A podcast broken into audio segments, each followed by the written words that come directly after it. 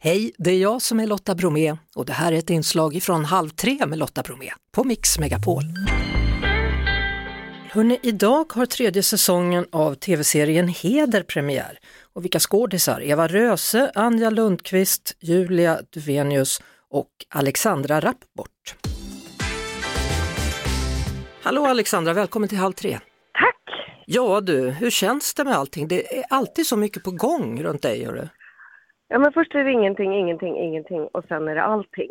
Idag är det då premiär för Heder säsong 3.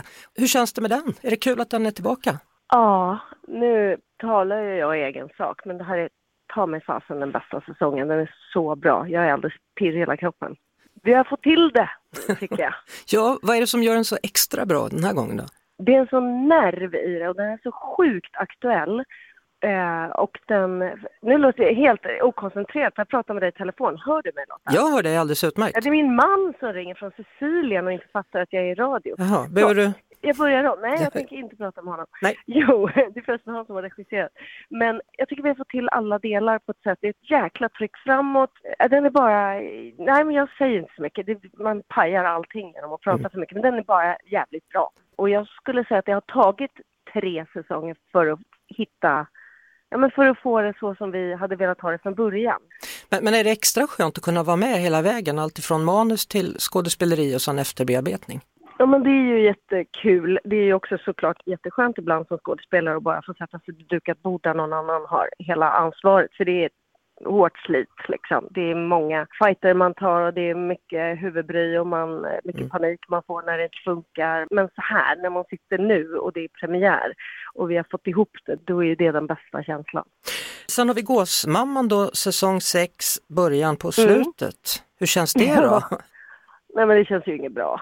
Gåsmamman är ju min bebis. Det, det, jag har ju sån separationsångest redan från alla. Men eh, ja, jag, jag hoppas att tittarna kommer gilla det här slutet. Man blir ju lite så nervös, ska hon dö eller? Ja, det, man ska vara nervös för det här slutet. Men eh, jag ska inte spoila något såklart. Men, men det... Mm. Du har kallat det för ditt livs tv-resa, berätta.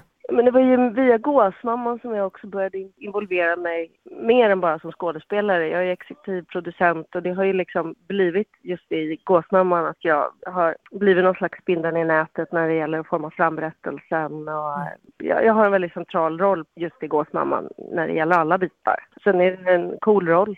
Varför älskar tittare Gåsmamman så mycket tror du? Jag tror att, jag menar, att Sonja är ju en udda filur men ganska lätt att identifiera sig med. Det är ju coolt med en, en kvinna som liksom försöker ratta en familj och har den här skruven lös. Och sen är det ju barnen, det är den här familjekänslan jag tror att många tycker om. Det går att relatera till det för de flesta. Och att man aldrig vet vem som lever och vem som dör i serien. Gåsmamman säsong 6, början på slutet, Sonja Ek. Då önskar jag dig lycka till Alexandra Rappaport och så blir det spännande att se då hur det går med Gåsmamman och Heder, alltså premiär ikväll. Vi hörs såklart på Mix Megapol varje eftermiddag vid halv tre. Ett poddtips från Podplay. I fallen jag aldrig glömmer djupdyker Hasse Aro i arbetet bakom några av Sveriges mest uppseendeväckande brottsutredningar. Går vi in med hemlig telefonavlyssning och, och då upplever vi att vi får en total förändring av hans beteende. Vad är det som händer nu? Vem är det som läcker?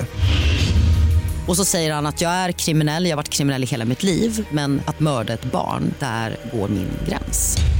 Nya säsongen av Fallen jag aldrig glömmer på Podplay.